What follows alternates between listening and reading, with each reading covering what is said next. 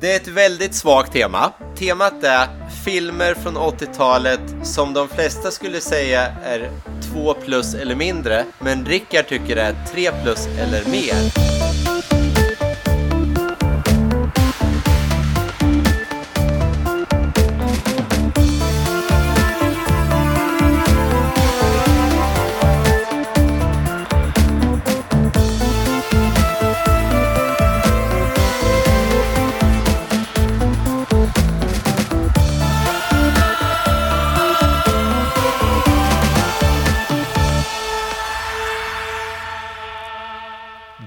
Lyssnar på det 210 avsnittet av skräckfilmspodcasten Vacancy. Precis som vanligt med eh, mig, Erik Nyström.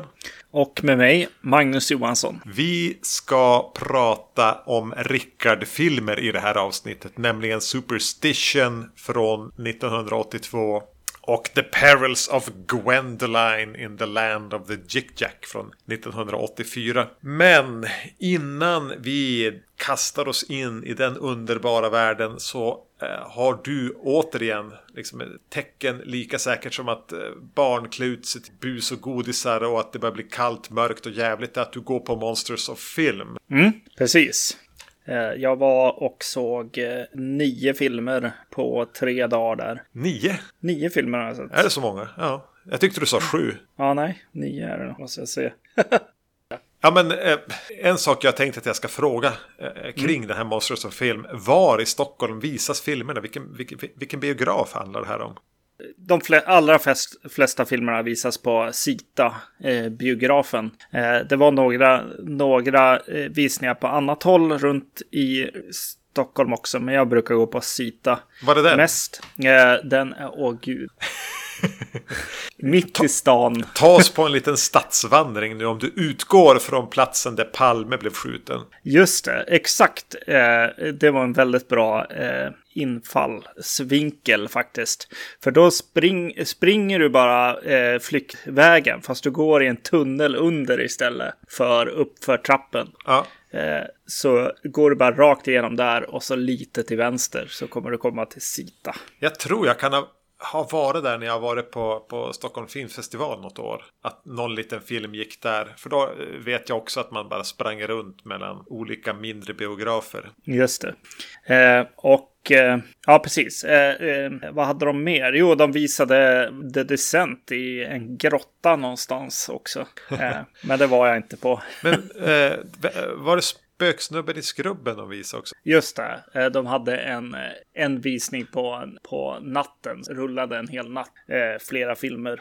Och eh, den gick jag inte på för att Nej. jag har åldern emot mig. Har man fyllt 40 så kan man inte se filmen hel natt.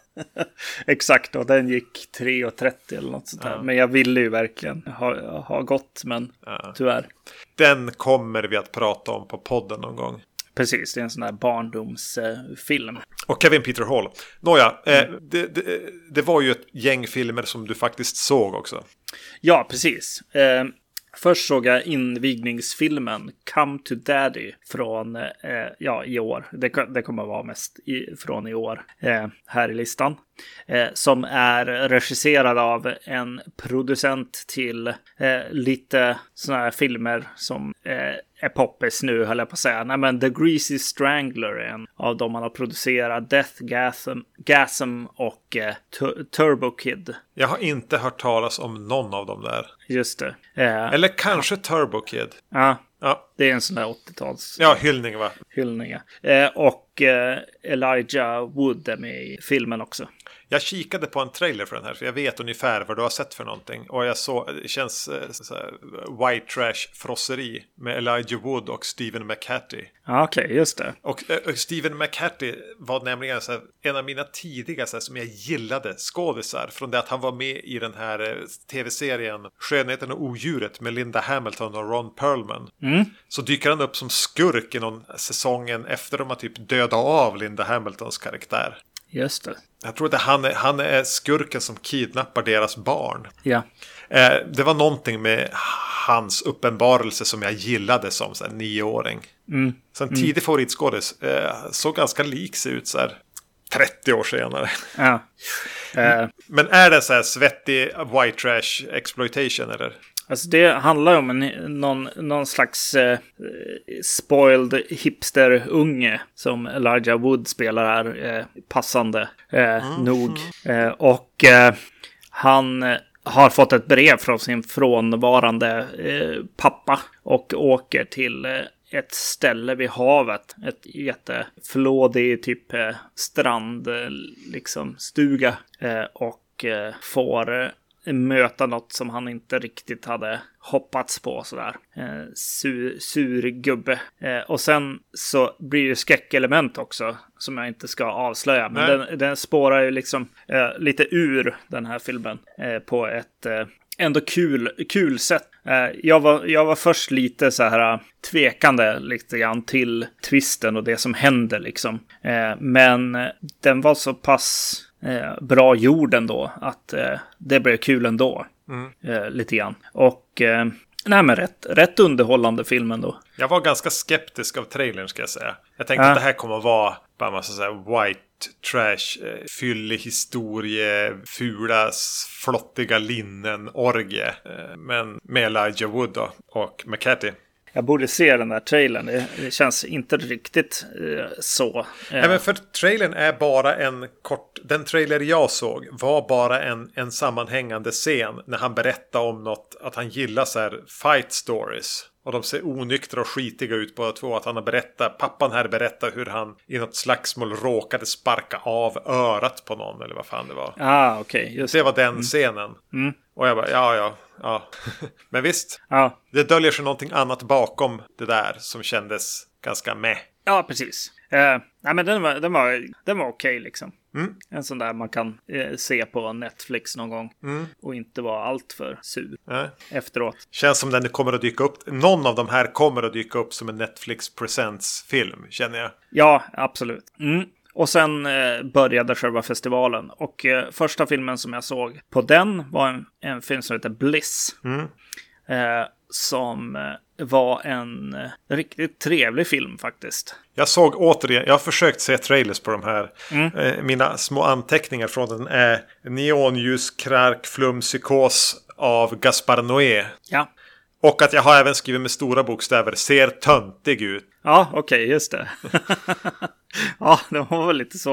Eh, uh, där, men här, här eh, jag, eh, jag kom in i den här alltså. Det är en, en konstnär som inte kan eh, komma sig för att eh, måla längre och hon har väl varit nykter för länge, tycker hon. Så hon går till sin droghandlare och tar en drog där och hamnar i trubbel och börjar liksom få smak på mer än droger. Eh, blod.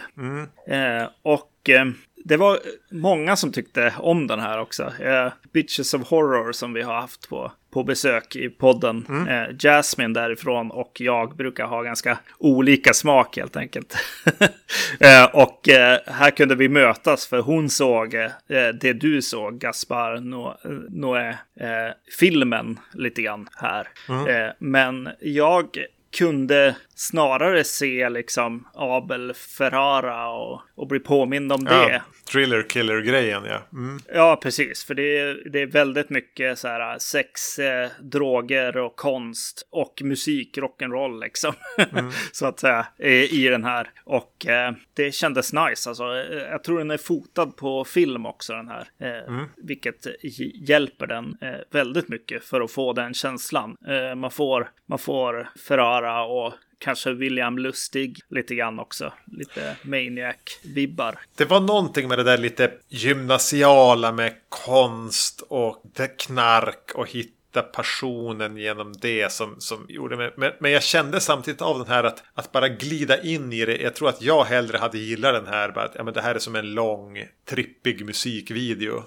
Som försöker provocera med jämna mellanrum. Äh, med med, med så här dovt mullrande syntmusik och blinkande neonljuslampor. Mycket lila och rött. Ja, Eh, så att eh, jag kan nog ändå förstå att man gillar det, men det var någonting med trailern som bara, ah, Att, att man ska, kanske ska koppla bort story-elementet. Eller för min del tror jag det handlar om det och bara se det som en, en liten meditation. Eh, det måste man nog göra, absolut. Eh, det finns inte mycket till eh, story här. Eh, men hur hon... Eh, men nej, det är ju det är, det är ju mer stil så här. Det kändes ibland som eh, Abel Ferrara gör, eh, vad hette den då? Raw, typ. Ja, Och lite så jag tänkte på, på den. Eh, jag tänkte lite grann att så här, shit, den här kommer att vara lite för tam också. Man kommer inte få den känslan som Abel Ferrara och William Lustig hade där liksom eh, tidigt. Utan eh, det är till exempel en sexscen som eh, bör, startar med väldigt, väldigt tam. Och eh, om man får lite känsla av att så bara, ah, nej, nu kommer det vara eh, försiktigt och väldigt eh, 20, 2019. Eh, eh, men den, eh, den eh, eh helt plötsligt så vänder den och, och blir en, en eh, Abel Ferrara-film. ja. Där. Jo, men jag är ändå lite nyfiken på den. Det här tänker jag, den här har viss Netflix-potential. Mm, mm. Så den, den, tänk, den väntar jag mig bara kommer dyka upp där och då kommer jag förmodligen att se den. Ja, eh, jag kan säga att det här är absolut den som jag tyckte var eh, bäst på festivalen. Av det jag såg i alla fall. Eh, vilket var i princip första filmen, vilket var lite trist. eh, Och sen, eh, men, eh, och sen då, då såg jag eh, kanske den sämsta jag såg på festivalen, Code 8. Ja, jag slog av trailern till den och tänkte vad fan. Ja, det är en skittrist eh, framtidsfilm där så här supermänniskor, eh, alltså superhjältekraftsmänniskor, eh, är liksom lägre klass och ses ner på. Eh, Jag fick så Minority Report och Robocop-vibbar av trailern. mm, Och bara så jävla ointressant det såg ut. ja, eh, det känns eh, som att det här är en tv-seriepilot också. Nej, det var trist alltså. Eh, känns som att de har, ja, jag, jag kommer kanske till det, men det, det känns som att superkrafter-grejen är lite eh, hett. Att, eh, att prata om samhällsproblem genom eh, lite grann. Men mm. nej, funkar inte riktigt. Eh, mm. eh, och eh, sen då såg jag eh, Why Don't You Just Die? Får jag bara kort ge mitt intryck av trailern där. En, en, Ja. en rysk lock, stock and two smoking barrels. Eh, i en lägenhet. Ja, ja precis. Jo, nej men så är det. Eh, det är en svärson som anländer till svärfar med en hammare i handen bak i ryggen. Eh, och eh, det handlar liksom om varför försöker han mörda sin svärfar och eh, det är något som inte stämmer med, med motiven kanske. Var det i filmen så här tokrolig umpa-umpa-musik hela tiden? Eh, ja, det var det. Jag blev matt av den. Ja, eh, den, var, den var rätt kul ibland i övervåldet och sådär, men eh, ja, men, punkt, punkt, punkt. Eh, den hade, hade väl stora problem med eh, kvi- kvi- kvinnosyn, helt klart. Nej, nej, det var inte så kul alltså. Nej, det förstår jag. Det här är, Nej. det är ingenting för mig. Nej. Eh, sen då, då är vi på nästa dag. Och då öppnade den med Culture Shock såg jag. Eh, vilket är ett, ett avsnitt av en s- tv-serie som heter Into the Dark. Ja, jag, jag hittade inte den här nämligen när jag försökte göra lite research. Så jag har ett stort frågetecken. Jag har ingen aning vad du pratar om. Nej, precis. Jag tror att den kommer eller finns på Viaplay eh, nu. Eh, men ja, eh, jag vet inte. Var det, vadå, var, det, var det 45 minuter eller var det en och en halv timme? Alltså var det fullängdsfilms? Den, den här var fullängdare. Jag vet inte om tv-serien är annorlunda. För det fanns definitivt eh, delar att klippa av eh, i den här. Så det kan vara så att de gjorde den här liksom som någon slags trailer för tv-serien eller något. Som är lite längre då. Ja, det är en film om eh, hur man i USA hittar ett sätt att integrera eller förvara illegala invandrare Ja. från Mexiko då. Eh, lite sci-fi. Det var väl ett okej tv-avsnitt och då är jag ganska eh, negg mot tv när jag säger så. Ja. Det är så här glättigt och liksom sådär. Eh, det bästa med den var resan till gränsen. Alltså innan själva eh, händelseförloppet i filmen, eh, eller liksom twisten, eller vad man ska säga, eh, kommer. Eh, det, det, det var trevligast i, i filmen, vilket är lite synd. Eh, men det var en ganska lång del av det eh, som jag tyckte var ganska trevligt. Så här, men nej, nej, nej, det här var och tv-serien Into the Dark kommer jag inte se heller. Det är någon slags. Det kändes som en sån där som något som hade tittat på vad heter det? Dark Mirror, vad heter det? Ja, det finns Black en Mirror. Black Mirror. Jag har aldrig sett det, men nej. Uh -huh. Jag hade tittat lite på den, känns det som. Och, eh, gjort någon slags eh, budgetvariant nästan. I alla fall eh, eh manusmässigt. Nej, inget bra. Vi går vidare va? Ja, eh, då kommer vi till Freaks. Inte Todd Brownings film från 32. Nej, den här är från i fjol. Eh, eller gör festivalrunda nu också. Ja. Och här är det eh, folk med superkrafter är olagliga och eh, ska eh, separera. Man måste separera dem från varandra och hålla dem borta från USAs befolkning. Emil Hirsch och eh, Bruce Dern är med. jag, jag, jag, orkade inte ens se trailern efter jag hade klickat på IMDB. Ja, Men det här nej. måste ju vara smörja. Den är, det är en, en, ganska svag trea skulle jag säga ändå. Uh, det är liksom rätt, alltså de som har gjort den här filmen, eh, de var på regissörsbesök också. Jag kanske blir färgad av att se människorna på riktigt också. Det känns som kompisar nu. Ja, precis. Det känns som att de ändå har jobbat ganska hårt med att få ihop en, en liten story här som, som liksom håller på korten eh, på ett trevligt sätt. Mm. Eh, så, så just så här, eh, vad är det för krafter folk har? Eh, vad är det liksom, vad är Bruce Sterns karaktär som är, han spelar en eh, glassförsäljare som står utanför huset ibland. Och där dottern i huset tittar ut och, och vill få gå ut men får inte. Eh, men vad har han för roll och sådär. Eh, det byggs ganska bra. Ja. Är den bättre eller sämre än Avengers Endgame? eh, ja, den är bättre skriven sådär. Ja. Måste jag ändå säga. Men den har inte Robert Downey Jr och Mark Ruffalo. Nej. Ja, fast den har ju Bruce Dern alltså. Ja. Eh, så, och det är ju alltid eh, trevligt. Emil Hirsch, eh, vad har han gjort sen Into the Wild? Ja, va, va, alltså nu, nu bara funderar jag på, är det han, var det han som var med i den här Obducen? Ja, ja, den vi gillar. Ja, precis. Av den norska regissören. Ja, precis. The Autopsy of Jane Doe. Då är det Brian Cox han får spela mot. ja, exakt. Jo, det känns som att han kanske tar rollerna för vi kan få spela mot. Vil vilken farbror han får spela mot. Precis. Ja, nej, jag tyckte den lät ointressant för mig i alla fall. Jo, men alltså den är, den, den är ju, alltså det är ju om man råkar slå på den på tvn, du vet.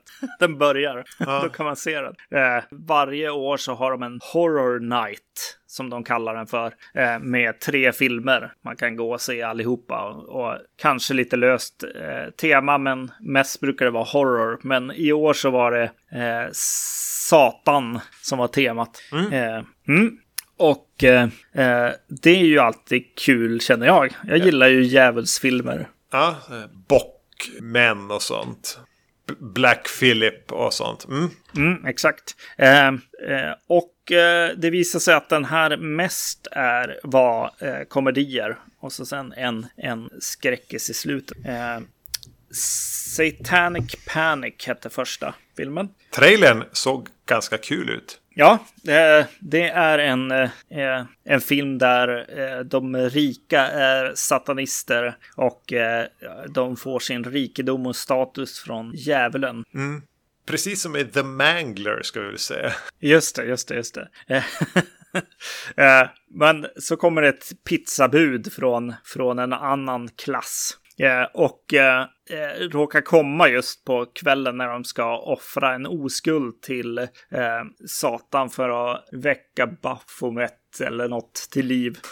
Eh, och eh, eh, den oskulden de skulle offra har lite snabbt skaffat sig en kille och haft sex med den. Äsch då? Eh, ja, så eh, de måste hitta sig en, en ny oskuld. Det här pizzabudet visar sig vara i fara.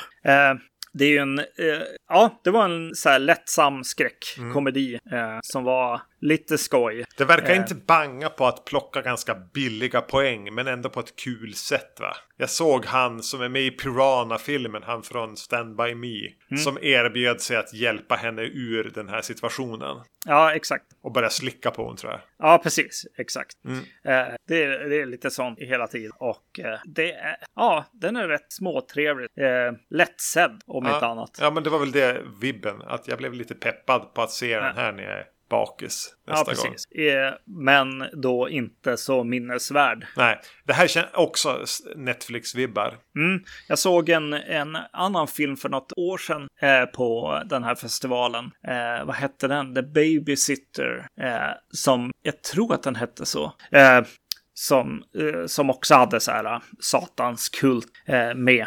Men visade sig eh, lite från andra sidan så att säga. Från andra hållet. Eh, den var lite mer minnesvärd. Eller intressantare tyckte jag nog då faktiskt. Eh, även om den här var okej.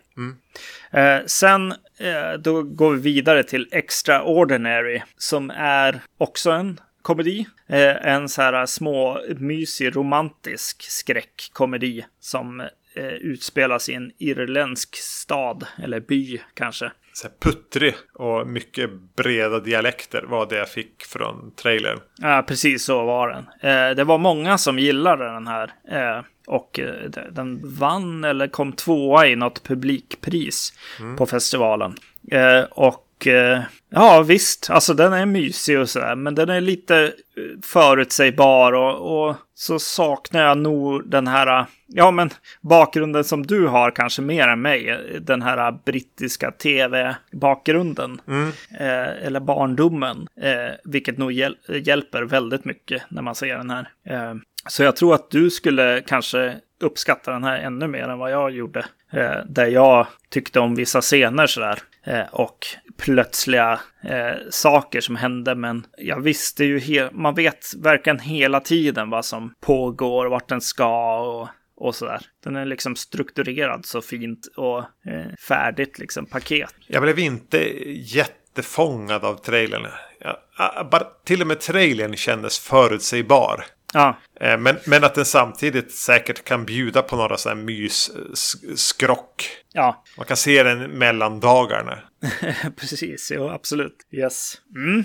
Och sen då när man har sett två, två skräckkomedier och börjar lite liksom få lite så här, nej jag får nog ingen, ingen riktig djävulsfilm ändå. Ja. Då börjar eh, Antrum. the, the deadliest film ever made. Jag ska säga av, av trailrarna jag såg så var ju den här den som så, på något sätt såg mest lovande ut. För den verkar vara gjord, eller den, anslaget är att den är gjord som en film från sent 70-tal. 79 tror jag, gyllene Ja, året. precis. Eh, Yes. som har varit försvunnen, att det liksom är en genuint ond film. Mm, exakt. Och eh, det, är ju, det, det, här är ju kul att se på bio. Eh, för eh, den öppnar med så här, lite intervjuer med filmskapare och filmvetare och, och folk som liksom är i industrin som pratar om hur farlig den här filmen är eh, och hur filmen har orsakat så här, biobränder där hela publiken brann inne och eh, slagsmål när folk har sett den här filmen i biosalong. Liksom. Eh, och de, presenterar det som, som att det här är filmen som Cigarette Burns och andra film har inspirerats av. Eh, Man, eh, man spelar ett högt spel här känner jag. Ja, det gör man verkligen. Och eh, det de gör sen också, det är att de eh, sen lägger upp en, en sån här varningstext eh, text också, där man får ta ställning till om man, om man vill vara kvar i biosalongen eller inte. Eh, så det är dags att gå ut om det känns som att det här kommer att bli för eh, jobbigt. Och eh, liksom de som eh, visar filmen vill inte riktigt ta eh, ansvar för vad som händer. Nej. Eh, kul grej i Ja. en bio kan jag, kan jag tycka. Jag tycker att, eh, och jag håller med dig om att så här, oj då, här blir det lite jobbigt att leverera sen. Exakt min tanke. yes. Eh, eh, och man får lite känsla också av att det är utfyllnad. Som att de inte riktigt fick ihop en hel film och la till det här tanken. att så här, åh, vi gjorde bara en, en borttappad 70-tals, eller en 70-talsfilm liksom. Och så sen kom de på allt det här. Eh, vet inte vad som kom först faktiskt. Eh, inte, inte när jag sett eh, vad den här filmen då skulle vara. Eh, för, det, för det återkopplas inte riktigt till det. Eh, ja, ja. Jag gillar ändå vad som händer i filmen sen. Det är en, en, en stora syster som tar med en eh, lille bror ute i skogen för att gräva ett hål till helvetet. Sonen i familjen har fått för sig att hunden har hamnat i helvetet för att eh, mamman i familjen sa det i princip. Mm. Eh, för att de dödade hunden för att hunden hade gjort någonting eh, otrevligt. I trailern sa de att skogen de går ut i för att gräva i är platsen där, där Satan föll till jorden efter att ha kastats ut från himlen av Gud. Ja, exakt. Så det är en ond plats. Ja, exakt. Eh, och sen så gräver de i det här hålet, kamp, äh, kampar runt det och börjar liksom höra saker och, och eh, gå omkring där i en skog i ett eh, ganska trevligt ljussatt 70-tals eh, filmat. Eh, lite grann, vad hette den filmen som vi såg? Eh, Tamlin. Ja. Eh, den såg lite ut som den. Lite så här som om det hela tiden är, ligger ett skimmer över den. Eller typ en dimma Ja. över den hela tiden. Att den är lite grå nästan. Jag, jag gillade det, även om man såg igenom det såklart. Det, det var inte filmat som på 70-talet och effekter var digitala och äh, mycket, mycket av setupen föll sönder. Men vad ska, alltså... Ja, men man måste ju sätta förväntningarna här. För mi, mina två frågor när jag hade satt, sett trailern var liksom, ja men känns den som från 79 inom rimlighetens gränser? Var väl som första frågan. Ja. Eh, inom alltså vad man kan acceptera för en film som man vet är gjord senare. Eh. Eh, precis. Och det, det, det, kan jag ändå tycka. Jag tycker att eh, tempo och liksom hur drömsk den är liksom känns 70-tal. Eh, Men känns den sen så ond som den pitchas? Det är väl det också? Nej, eh, nej det gör den inte alls. Eh, eh, inte alls. De är ju i den där skogen och det är lite så här eh, myskusligt. Eh, det finns ett sidospår som händer också när de stöter på typ jägare eller hillbillies. Mm. I, i, som, som bor i närheten som eh, är riktigt onda människor. Eh, som har, har en, en satans eh, ugn som de har gjort. Där de bränner folk levande i.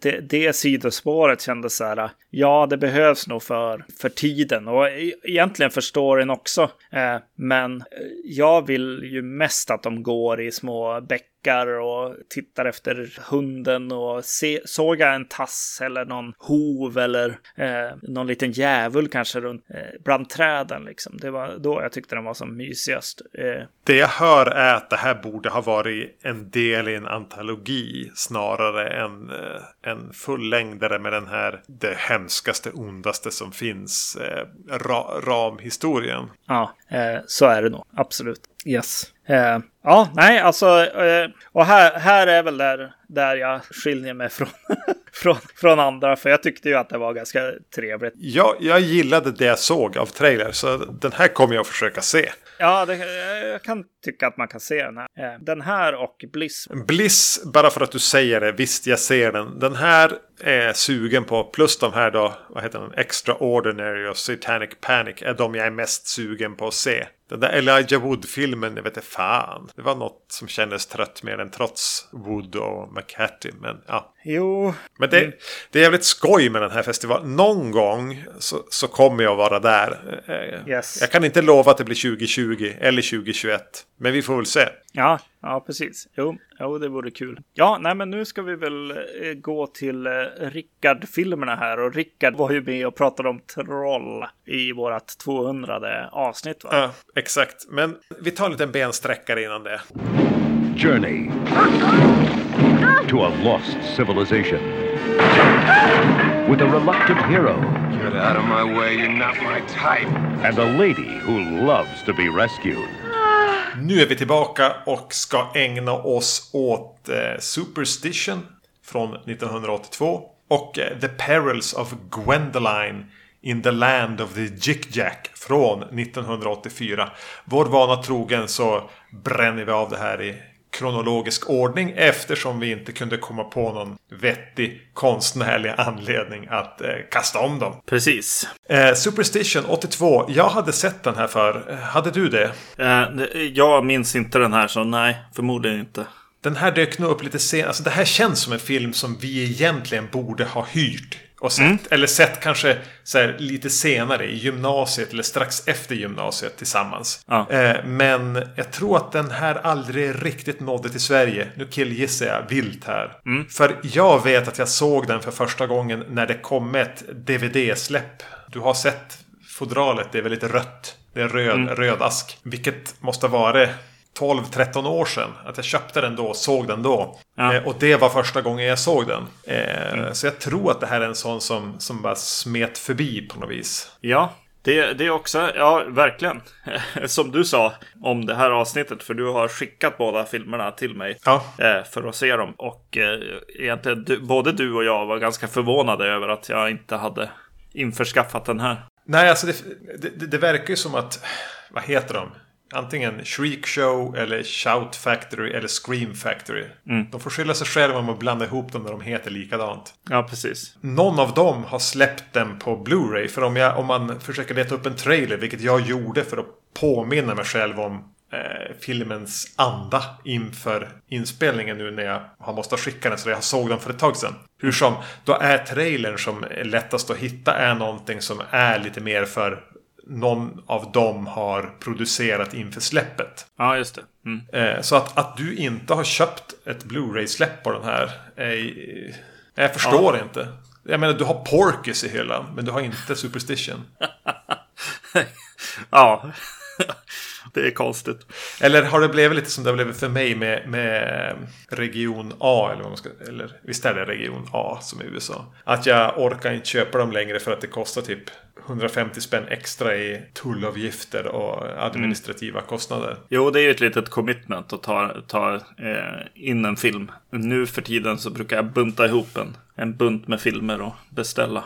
Men jag tänker att efter, eh, när vi har pratat klart om det så får du eh, göra så här tummen upp eller tummen ner om du känner dig intresserad av att äga den på Blu-ray. Mm, mm. Men det här är någon slags eh, amerikansk eh, häx-slasher. Den eh, kretsar kring ett hus i, någonstans i USA dit eh, till, en börja, till att börja med ungdomar söker sig och, och sedermera även olika sällskap flyttar in eller kretsar kring. Huset verkar vara besatt av eh, en hämndlysten häxa som blev avrättad århundraden tidigare. Och eh, avpoliterar personer där kring en efter en.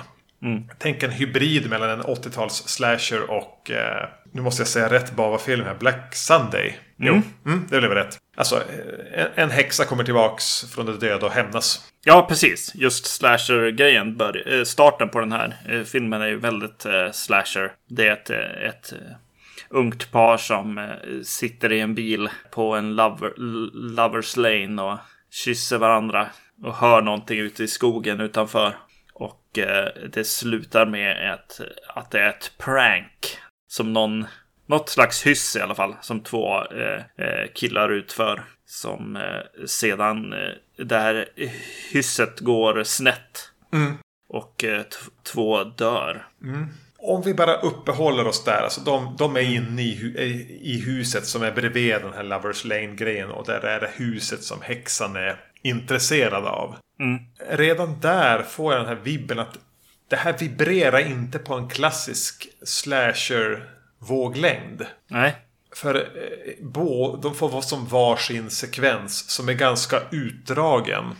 Och lite skev i det att den känns inte klassisk riktigt. Nej. Ja, alltså för mig känner jag redan där att det här, det här är off på något vis. Alltså min, min slutpoäng med, de här filmerna, med den här filmen är att den känns lite grann som någon, vad som händer om Lamberto Bava inte regisserar en Lamberto Bava-film. Ja, Utan att, att den här eh, regin, för regin står James W. Robertson. Han har fotat jättemycket tv. Och han har även fotat The Town That Dreaded Sundown. Så det här är ju någon, någon som bara är i branschen. Som fick regissera en film också. Som jag ser i alla fall. Eh, precis, Jo, jag klickade runt lite bland de som har gjort den här filmen. Det verkar, verkar som att när de gör film tillsammans så är det med någon, någon av dem är ju polare med Chuck Norris också. Ja, Så de har gjort, eh, skrivit eh, Chuck Norris-filmer vid något tillfälle i deras karriärer här. Mm. Den är kanadensisk, tror jag. Ja, ja, det kan det nog vara. Eh, det känns lite grann som en av de där Ja, just det. Mm. kanadensiska filmerna som kom där. Eh, Med slashervågen också. Men eh, snarare så har ju du mer eh, rätt där kanske. Det är inte det som gör att den, den känns unik. Det är inte att den känns väldigt kanadensisk. Utan det är ju det här att någon måste ju ha fått tag i Mario Bava eh, biblioteket lite. Och försökt eh, imitera eh, lite grann. Eller var det eh, definitivt väldigt inspirerad av eh, Mario Bava. Ja. När de har gjort den här filmen. Jag tänker framförallt på när eh, efter de här eh, pojkarna har dött. Eller männen har dött i huset. ja, manspojkarna kan man väl kalla dem. Ja, ja precis. Så kommer eh, polisen dit och ska eh, undersöka grejen. Och då står en, står liksom grann, grannfrun eller vad man ska säga. En, en gammal kvinna som bor i ett litet hus bredvid huset. Ja, just det. Mm. Då står hon i fönstret eh, på, med en jättecool bild. Eh, det, det är nog höjdpunkten absolut i filmen ska jag säga. Just den när hon bara står i fönstret. Eh, och det är ju, det stinker ju eh, Kill Baby Kill där. Eh, Mario Babas film. Eh, med folk i fönstret. Och senare dyker det ju också upp en vitklädd flicka med en, eh, i en så här klänning eh, som kanske är ett spöke, kanske inte. Vem vet? Jag tänker att hon är det utifrån hur hon ser ut och bara att hon bara dyker upp. Och, Jag eh, såg och det att- också så, ja. Ja, och att hon är... Hon är väldigt, hon är också väldigt lik Kill Baby Kill flickan i hur hon är, är klädd och så. ja. Men känslan för hela den här filmen är att ett gäng, då, om du säger det, kanadensare kanske till och med, har suttit och, och, och, och, druckit öl och, knarkat bava och annan italiensk skräckfilm. Sen såg de typ The Prowler eller någonting. Och så drog de iväg. Ja, men vi gör någonting. Vi gör någonting med det vi har i huvudet nu. Eh, manus, nej, ja, ja, ja. Vi, det, det löser vi. Mm, just det. Och så, alltså, för den har en väldigt trevande känsla. Men den, alltså, den har de här italienska... Jag ska inte säga att det är homager. Det är mer bara att... att eh, inte stölder heller, men bara... Ja, men vi har sett väldigt mycket av det här just nu. Så allting det vi försöker kommunicera är så färgat av det. Det är väl det här som är film. Framförallt skräckfilm. Ja, exakt. Eh, och, och det gör ju att det här blir en liten halvkonstig film. Framförallt vad gäller ton och känsla. För den är, den är, den är väldigt trevande och träig. Framförallt i, i berättandet. Alltså om de skulle försöka, alltså en så- sån här manusmänniskor skulle försöka eh, reda i det här så skulle de bara gå hem. Det finns inget riktigt driv i den. Utan den, den kretsar ju som egentligen bara kring det här huset och olika sällskap som ska lastas in dit. Ja, och coola infall. Alltså, Ja, coola Det kän- infall. Eller coola och dumma infall. Ja, det känns som när de... eh, eh, Det känns lite som när du pratar om den här filmen att eh, jag- började tänka på att du pratar om besökarna. Ja, och eh, de, bo, båda de filmerna har ett läskigt hus. Eh, någonting händer i det och det finns någon slags så här, stor vattenpöl som folk kallar damm utanför.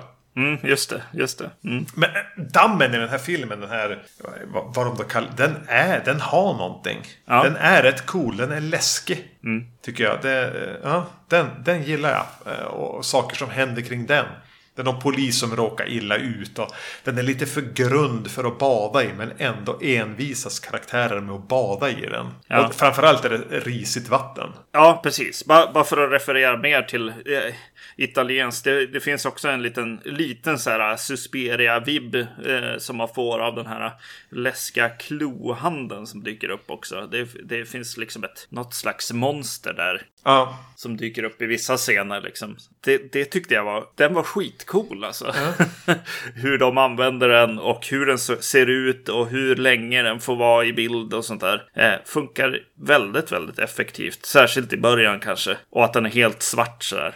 Hur de använder den här hämndlystna häxan är Ja. ju ganska snyggt. För det är den här klohanden man får se. Man får se någon i mo- motljus i en eh, robe. eh, Mycket rök. Det är som det man får se av häxan. Det är väldigt lite. Ser man trailern, vilket jag gjorde nu, så tänkte jag oj vad mycket häxar det är. Men det är ju inte det. Det är bara den här coola klohanden. Eh, några få glimtar. Alltså, det, nu pratar vi om kanske sammanlagt fem sekunder av någonting i en kåpa. Eh, Men utöver det så är det som bara folk som dör på oförklarliga sätt. Och Ja. ja, där, där kommer den åt. Just att använda en klohand, prata om en häxa. Eh, visa något som har hänt tidigare där någon svär hämnd. Om man kommer åt det här i någon slags häxmyt som jag tycker är lite läskigt. Ja. Eh, där är den på rätt spår. Precis. och när du säger där är den på rätt spår så finns det ju annat i filmen också. Det, det finns en väldig eh, så här, glimt i ögat flört liksom med sig själv. Självmedvetenhet i filmen. Eh, känner jag att så här, den, den leker lite och tar sig inte så mycket på allvar. Eh, vilket det kanske låter som att vi pratar om en film som gör. Så, eh, så jag blev också så här, jag försökte som, jag kollade upp när den var gjord mitt i filmen. För jag tänkte så här, den här känns ju inte, var det verkligen 82 den är gjord? Eh, för jag tyckte inte att den kändes 82. Jag skulle säga mer typ senare, alltså 86 eller April Fool's Day och fredagen den 13 6 eller någonting liksom. Eller sjuan kanske. Där, där det är lite mer så här håll, eh, håll igång och glimten i ögat och ja men ni kan ju det här liksom. Och det gör det ju. Eh, Men det tänker, inte konstigt att den är där kanske. men tänker du att det är avsiktligt? Eller är det här bara något som har uppstått av att folk inte riktigt hade koll på ton när de gjorde den? Jag, jag tror att det är en, det är en liten produkt av, av att den lånar så mycket. Ja. Att, att, och då flörtar man lite med skräckfilmsfantasterna på något sätt. Att säga, åh, ja, Exorcisten och åh, Omen och Huset som Gud glömde. Och Ja. man kan se mycket i, i den här liksom som man känner igen. Ja, den känns ju väldigt bekant. Men samtidigt har den en ton eh, som är så jävla hopplös. Och ganska elak. Alltså den bangar inte på att döda någon den här filmen. Nej, nej, nej, är verkligen inte. Alltså den, det är som att den inte riktigt har koll. Får man göra så här? Det här så fick man visst inte göra. Nej, precis. Nej, det, det har de inte riktigt dubbelcheckat med Nej. någon, någon Så den här. bryter mot lite regler på så sätt. Vilket gör den att den har den här lite skeva tonen. Som man, vilket även gör att den blir lite hopplös och lite, så här, nästan, nästan en shore. Att, att ja, men, den här har in, inget intresse av att berätta en historia eller någonting. Eller så, utan den har tittat på mycket skräckfilmer som plockar ihop saker. Och eh, summan av det blev rätt deprimerande. På, Ja. på både gott och ont. Jo, absolut. Jag, jag gillar ju, ja, jag gillar mycket av det här. Ja, det här lite så här mysteriegrejen också. Det är snutar med som är Ja, lite, Mm. lite tråkiga och sådär. Och någon präst som också får vara lite Sherlock Holmes liksom. Ja. Eh, och så här, åh, skulle inte det här rummet vara större egentligen? Och sådana där grejer liksom. Eh, klassik, klassiker. Ja, hela den grejen när de hittar det här dolda rummet. Ja, Jaha. På vilket sätt spelade det någon roll? Ja. Tänkte ni? Men det är, det är lite charmigt ändå. Eh, Det som är skönt med den här, som eh, andra, andra slashers, eh, särskilt billiga sådana från tiden, vad de lider av ofta är att de har inte nog med, med st- stories eller liksom saker som kan hända. Så att det slutar med utfyllnad och folk som går i korridorer och ser rädda ut och är det något där? Och... Den här gör ju inte det. Utan Nej. den här har ju ett, ett tempo och nog mycket liksom eh, story och, och platser också. Framförallt platser, tänker jag. Ja, precis. För att det ska hålla och, och kännas intressant. Och sen så kommer det liksom scener också som är så här minnesvärda ändå. Handen där, framförallt i första i den där hissen eller vad det är. Eh, det är någon som är och går på vinden och så faller en docka så här helt tyst förbi henne. Det tyckte jag var creepy. Jag, jag gillade verkligen den. Ja. Och hur den fortsätter också eskalera den scenen. Det jag tänker när du säger att, att den, när man väl är i de enskilda scenerna så har de alltid en, en, en framåtrörelse. Alltså det, blir, det, det blir lite intressant. Åtminstone vad som ska hända med den karaktären där och då. Kanske på grund av att man vet att det finns inga regler här. Den här filmen har inga regler. Ja. Eh, Den här karaktären kan när som helst få huvudet avslitet ett, ett, eh, a- a- av en klohand. Eller så kan någonting i rummet angripa karaktären. Eller så visar det sig att den klarar sig. Eh, Men där den får problem är att när den introducerar flera sällskap så får den ett gäng karaktärer. Framförallt när den här familjen ska in. Så, så har vi flera karaktärer som bara ska sitta och vänta på att det blir deras tur. De Ja. klipper till dem lite kort så här när de bara sitter. Nästan tittar på klockan. Eh, Att, att, att, att så det är svårt att, hålla ihop ett sällskap i en film. Särskilt i en film som bara är intresserad av att avpolitera folk. Vad gör vi med resten då? Ja, de får Ja, väl sitta på en säng och knuffa varandra med armbågarna. Ja, avbyta båset bara. Ja. Ja. Men, men, men om man ska gå ner på det du säger att den har lite glimten i ögat. Så tänker jag speciellt på en scen kring att det finns ändå liksom en ond kraft, en häxa här. Och de pratar lite vagt om reglerna kring häxan. Så här, förr kunde hon bara vara nattaktiv. Men sen gör de någonting. Hon blir dagaktiv också. Bla bla bla. Det är lite mysigt. Men eh, saker, saker som hon gör, för att citera Thåström, så är hon så elak. Så den här alkade pappan som flyttar in sen. När han går upp ur källaren för att de ropar på honom och han har lämnat sitt whiskyglas eller whiskyflaska. Så puttar hon omkull den. Så att allt rinner ut. Exakt så elak Ja. är den här häxan. ja. Jag som gillar John Cassavetes förresten och hans eh, filmer från sent 60 och under 70-talet. Eh, fick ju se Lynn Carlin från Faces här. I en halvt pinsam roll men ändå. Eh, jag ville bara nämna det. Lynn Carlin som är skitbra i Faces eh, dyker upp i Superstition. Vilket kanske säger något om hur hennes karriär utvecklade sig. Ja men du, Superstition. Ja.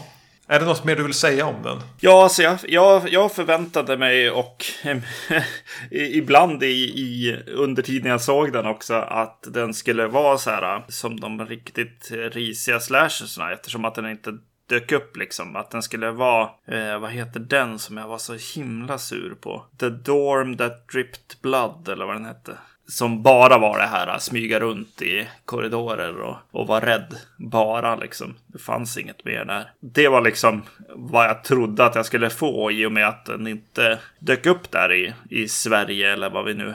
när du killgissade det. Så tänkte jag att det skulle vara där någonstans. Men eh, jag tycker att den, den har definitivt poänger och är en film man kan se liksom med kompisgänget eller, eller så. En ganska bra sån rulle på något sätt. Så att ja, den här kanske kommer stå i hyllan ändå. Du kommer att kika på vilka det var som hade släppt den på Blu-ray.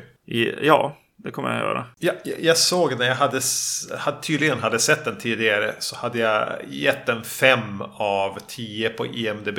Och någonstans där är jag väl fortfarande. Men, men när det gäller den här genren så är ju 5 av 10 fortfarande som sagt var. Kolla, kolla in det. Ja, Det mest spännande med den för mig var ju faktiskt att du inte hade sett den. Och att, vi fick, Ja. att du fick en anledning att göra det. Så det får vi väl tacka Rickard för. Och, och, och hitta, Ja. hitta en plats åt den här. Jo, och så är det roligt med, med Bava-referenserna och så. Till och med den här grann, grannkvinnan eh, ser ju nästan ut som den här frysta ansiktet i, vad är det då? Bla, eh, Nu är det Black Sabbath va? Black Sabbath är det. Black Sunday Black Svårt det Sabbath. där. Det är inte lätt. Vi har inte pratat om någon Mm. av dem heller på podden. Har vi inte? Nej. Eh, Är det ett ja, avsnitt? Ja, ja, jo. Även om det... Ja, ja Yes. vi löser det. Rickard hade en ganska svag eh, koppling mellan de här två filmerna. Mm. Men det gör ju inte alltid någonting. Vi fick en anledning att prata om två olika filmer som vi kanske skulle ha haft svårt att hitta till annars. Ja. Så eh, nummer två här, Gwendoline. Heter den i mina anteckningar och det är väl kanske mest så den är känd. Men The Perils of Gwendoline in the Land of the Yik Yak är väl den officiella titeln tror jag. Ja. Den kom 1984 i regi av Just Jacqueline, vill man kanske säga, men Just Jacqueline, någon fransk regissör. Eh, hade du någon relation till den här filmen? Nej. Nej. Jag minns att, du, att du, du skrattade sig lite avvaktande när han pratade om dem här i trollavsnittet när Rickard var med, avsnitt nummer 200. Och eh, ja, samma, senare samma kväll efter vi hade spelat in så var, gick ut på Amazon och beställde den för att kunna göra det här. Och att Mm. jag fick ingen respons från dig. Sen har du så liksom halvt fnyst föraktfullt att ja, ja, den där får du köpa. Den där har, in, den där har jag inte tänkt köpa. Och det kommer återigen från mannen som har Porkus i hyllan för att det är Bob Clark som har regisserat den. Just det. Ja, ja, skitsamma. Ja. Det här är ju inte alls någonting som har på något sätt kopplingar till Superstition eller kanske en skräckfilm. Men det här känns ju däremot väldigt Rickard. Ja, vad fan är det här? Eh, en, den är regisserad av en fransman. Det verkar vara en ganska internationell produktion. Det verkar finnas pengar från alla olika håll. Och den har ju definitiva exploitation-vibbar också. Den handlar om en kvinna som åkt till Asien för att leta efter sin pappa som har försvunnit i en expedition. Med sig har hon sin kompis eller sidekick. Och eh, jakten på sin pappa upptäcktsresanden. Han verkar ha försvunnit i jakt på någon eh, sällsynt fjäril. Så tar de hjälp av en slags Han Solo-karaktär. Ja. Det blir en slags äventyrsresa någonstans i Asien med ganska mycket naket. Ja. Jag vet inte, jag var väldigt obekant. Jag hade hört talas om den här och jag möjligtvis på grund av eller tack vare Rickard sen tidigare. Men jag hade aldrig känt liksom något större sug efter att se den och jag visste inte riktigt vad jag skulle förvänta mig. Det var någonting luddigt med det. 84, fransk regissör, amerikanska skådisar, bland annat. Baserat tydligen på någon serietidning eller seriestripp från typ 40-50-talet. Just det. Så jag visste inte vad jag skulle få här. Och det verkar... Nej. Alltså, vad ska man säga om man ska droppa någonting? Någon slags Indiana Jones. Någon slags mjukporr. Någon slags eh, exploitation. Ehm, Ja. jag vet inte om du kan hjälpa mig att slänga ner någonting för att man ska förstå vad det här, den här rätt bisarra mixen är. Nej, men eh, alltså den slutar också med, med sån här, eh, alltså Barbarella eller liksom konan har jag Ja. slängt omkring mig med. Men lite så här Swords and Sandals känsla liksom. Och eh, Ja. sci-fi. Eh, blir den ju, vilket ju är eh, spännande. Det är inte där man tror att den ska landa när den börjar där i, i den här eh, hamnen. Eh, Jag tänkte i. på någon av uppföljarna till Planet of the Apes också. Alltså det är mycket, det finns mycket här. Skräckfilm är väl inte en av de första genrerna jag skulle tänka på. Men vi är nyfikna och eh, glada ga- gamänger så vi kastar oss gärna in i, i, i det här mischmaschet. Yes, yes. Det första som slår mig, jag, jag, eh, alltså omslaget eh, på den här DVDn eh, visar väldigt mycket alltså att, att det är det här lättklädda sci-fi, liksom kvinn, amazonkvinnor som filmen verkar handla om. Och sen slår jag igång den och då hamnar jag i, i Indiana Jones eh, and the Temple of Doom är det va, Ja. i början där. Sen om de springer runt i någon slags asiatisk eh, trång eh, by.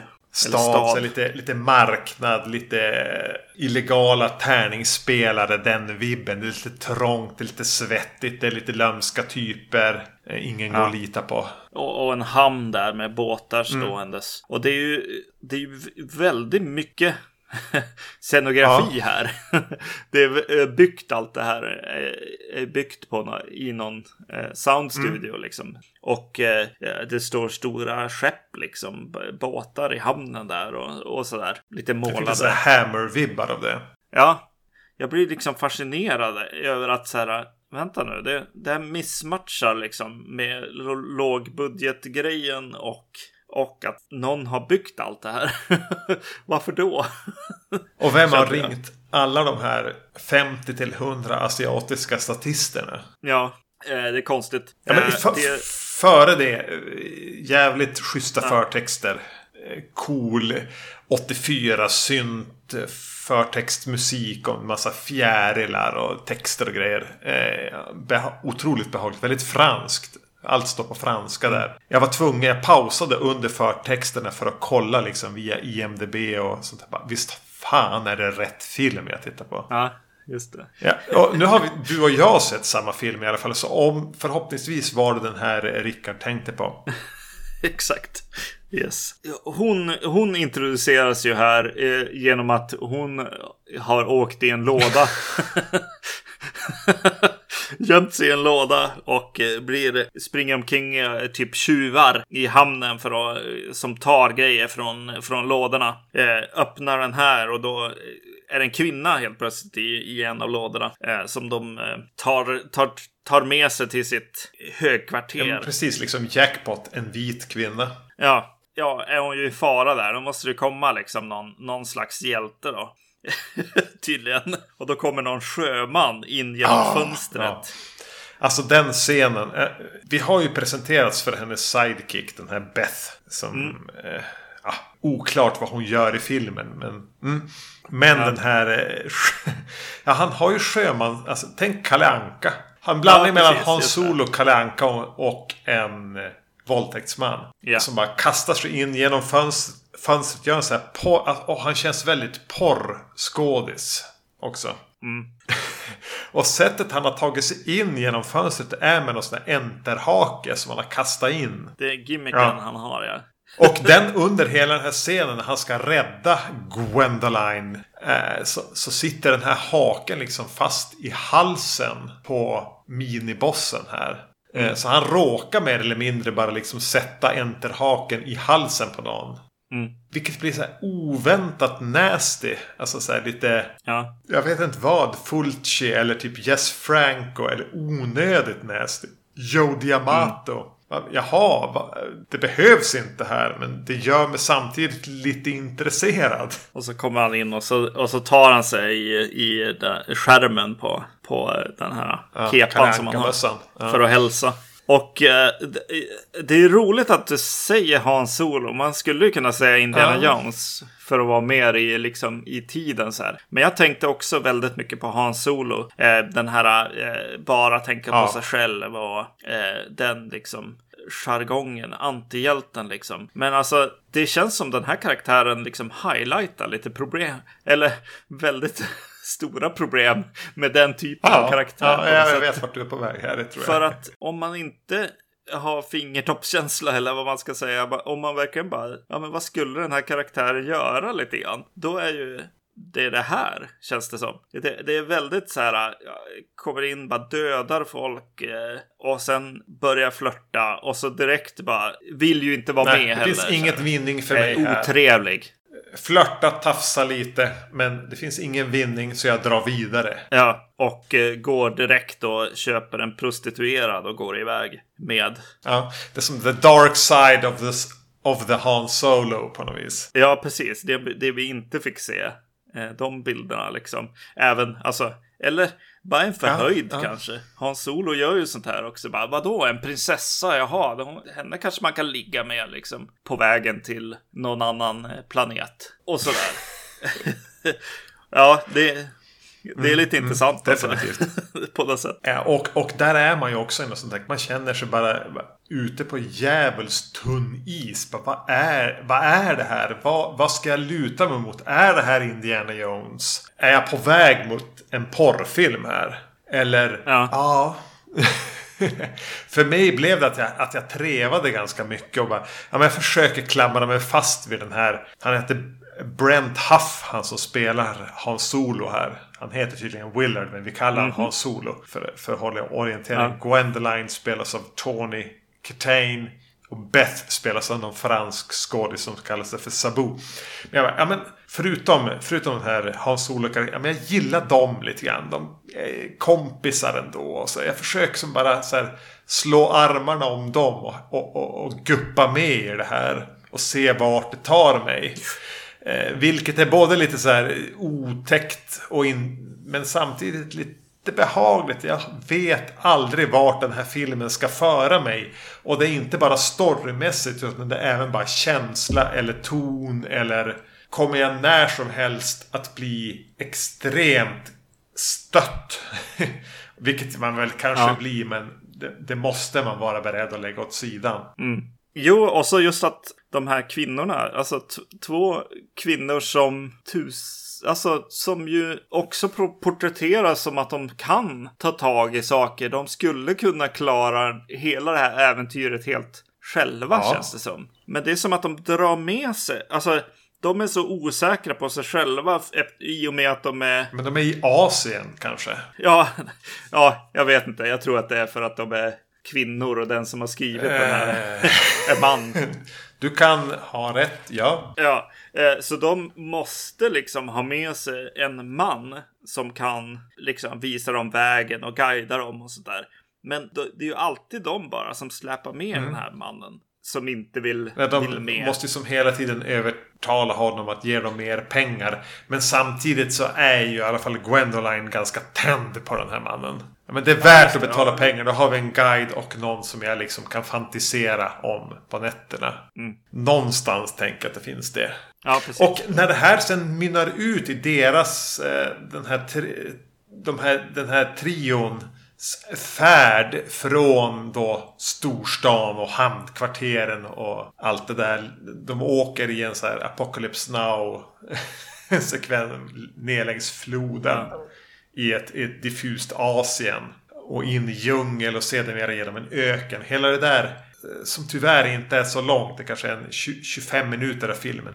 Det äventyret och det de stöter på med olika eh, fiender och liknande. Där hittar den någon slags jävligt skev charm för mig. Just när de är i det. Och, och eh, 84 synt och jag vet ingenting om vad det här är jag är. Då är jag ganska med. Jag tycker till och med att den här Hans Solo-karaktären blir lite rolig att följa. Ja, Eh, så jag bara, ja men vad fan. Tack Rickard. Det här skulle jag aldrig ha sett utan dig. Det här tycker jag är ganska charmigt ändå. Och det blir lite, de har någon märklig sexscen när de är som tillfångatagna av några här. Alltså så här en tala snusk till varandra sexscen. Som punkteras på ett med så här eh, punchline med att den här Beth-karaktären ju också är liksom med. Hon har ju legat på andra sidan av Hans Solo och lyssnat. ja precis. där är jag tycker bara, men det här är lite... Det är som porrfilmen utan sexscenerna eh, i Indiana Jones landskap och någonting som känns knas. Ja. Jag får en liten känsla här att du inte fångas upp av det här. Nej, nej, nej, det gör jag verkligen inte. Nej, jag, jag, jag, jag blir, eh, sitter bara och blir lite sur på den här filmen. Ja, nej, nej, jag, det är verkligen så här som att ögonen bara rullar liksom runt, runt flera varv liksom. Upp i...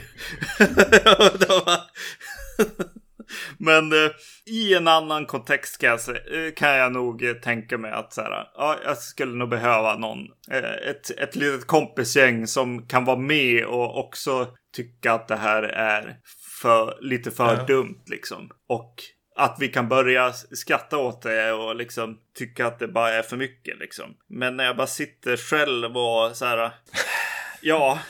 Då, ja, Ja, men jag förstår precis vad du menar. Jag hade förmodligen vid ett annat tillfälle kunnat hamna exakt där. Nu eh, har jag otroligt långt till det här kompisgänget. Alltså, jag, jag, jag, det är Ja. mina låtsaskompisar i sådana fall. Jag får, jag får eh, drömma upp där. Men för, för, för det, eh, som jag ändå var ganska noga med att säga så är det här under en begränsad tid. Jag är med i den här charmen av de här tre. Men så fort de kommer då och hamnar i någon slags eh, The Lost City of...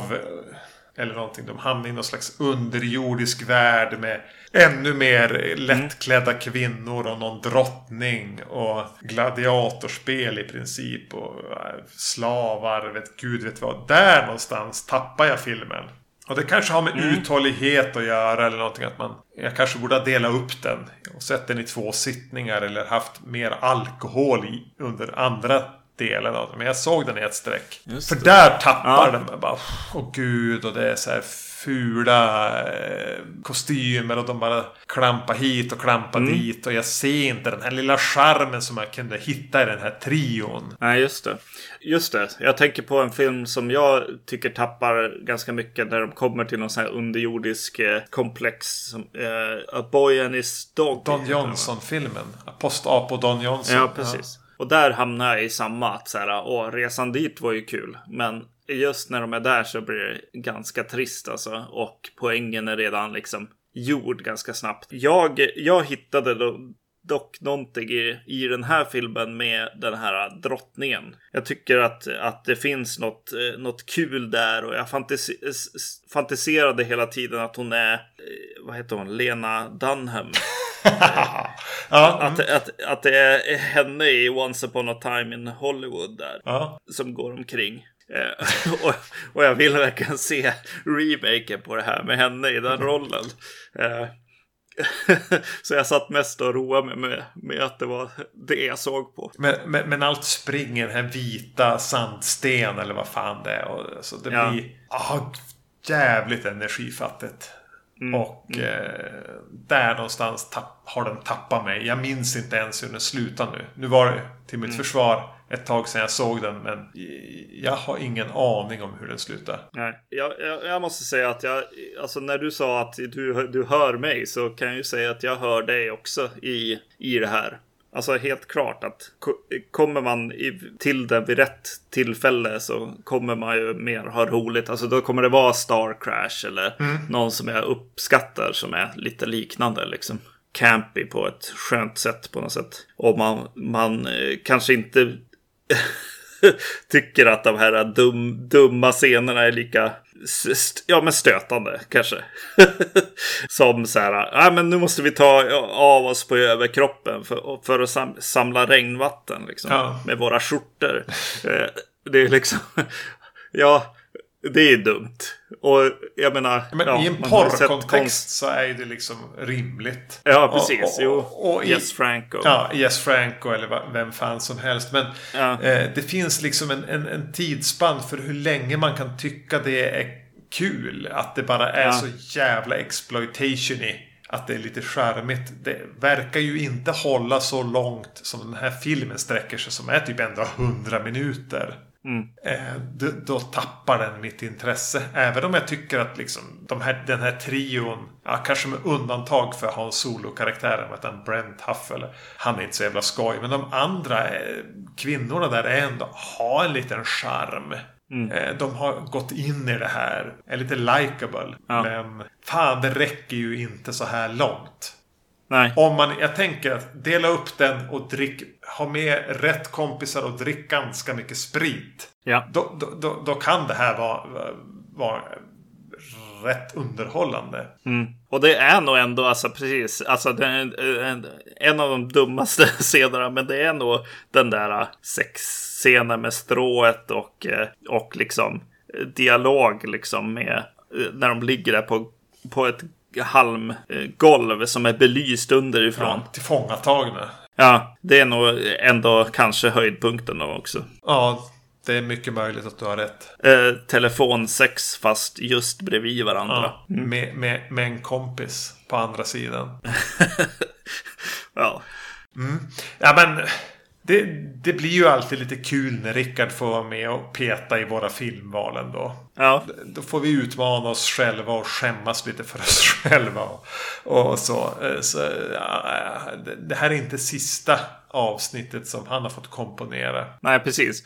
Eh, precis, men vi kanske inte gör en djupdykning i den här regissören kanske till nästa avsnitt. Nej, vi skippar det. Okej. yes. Men jag, jag var på tal om nästa avsnitt.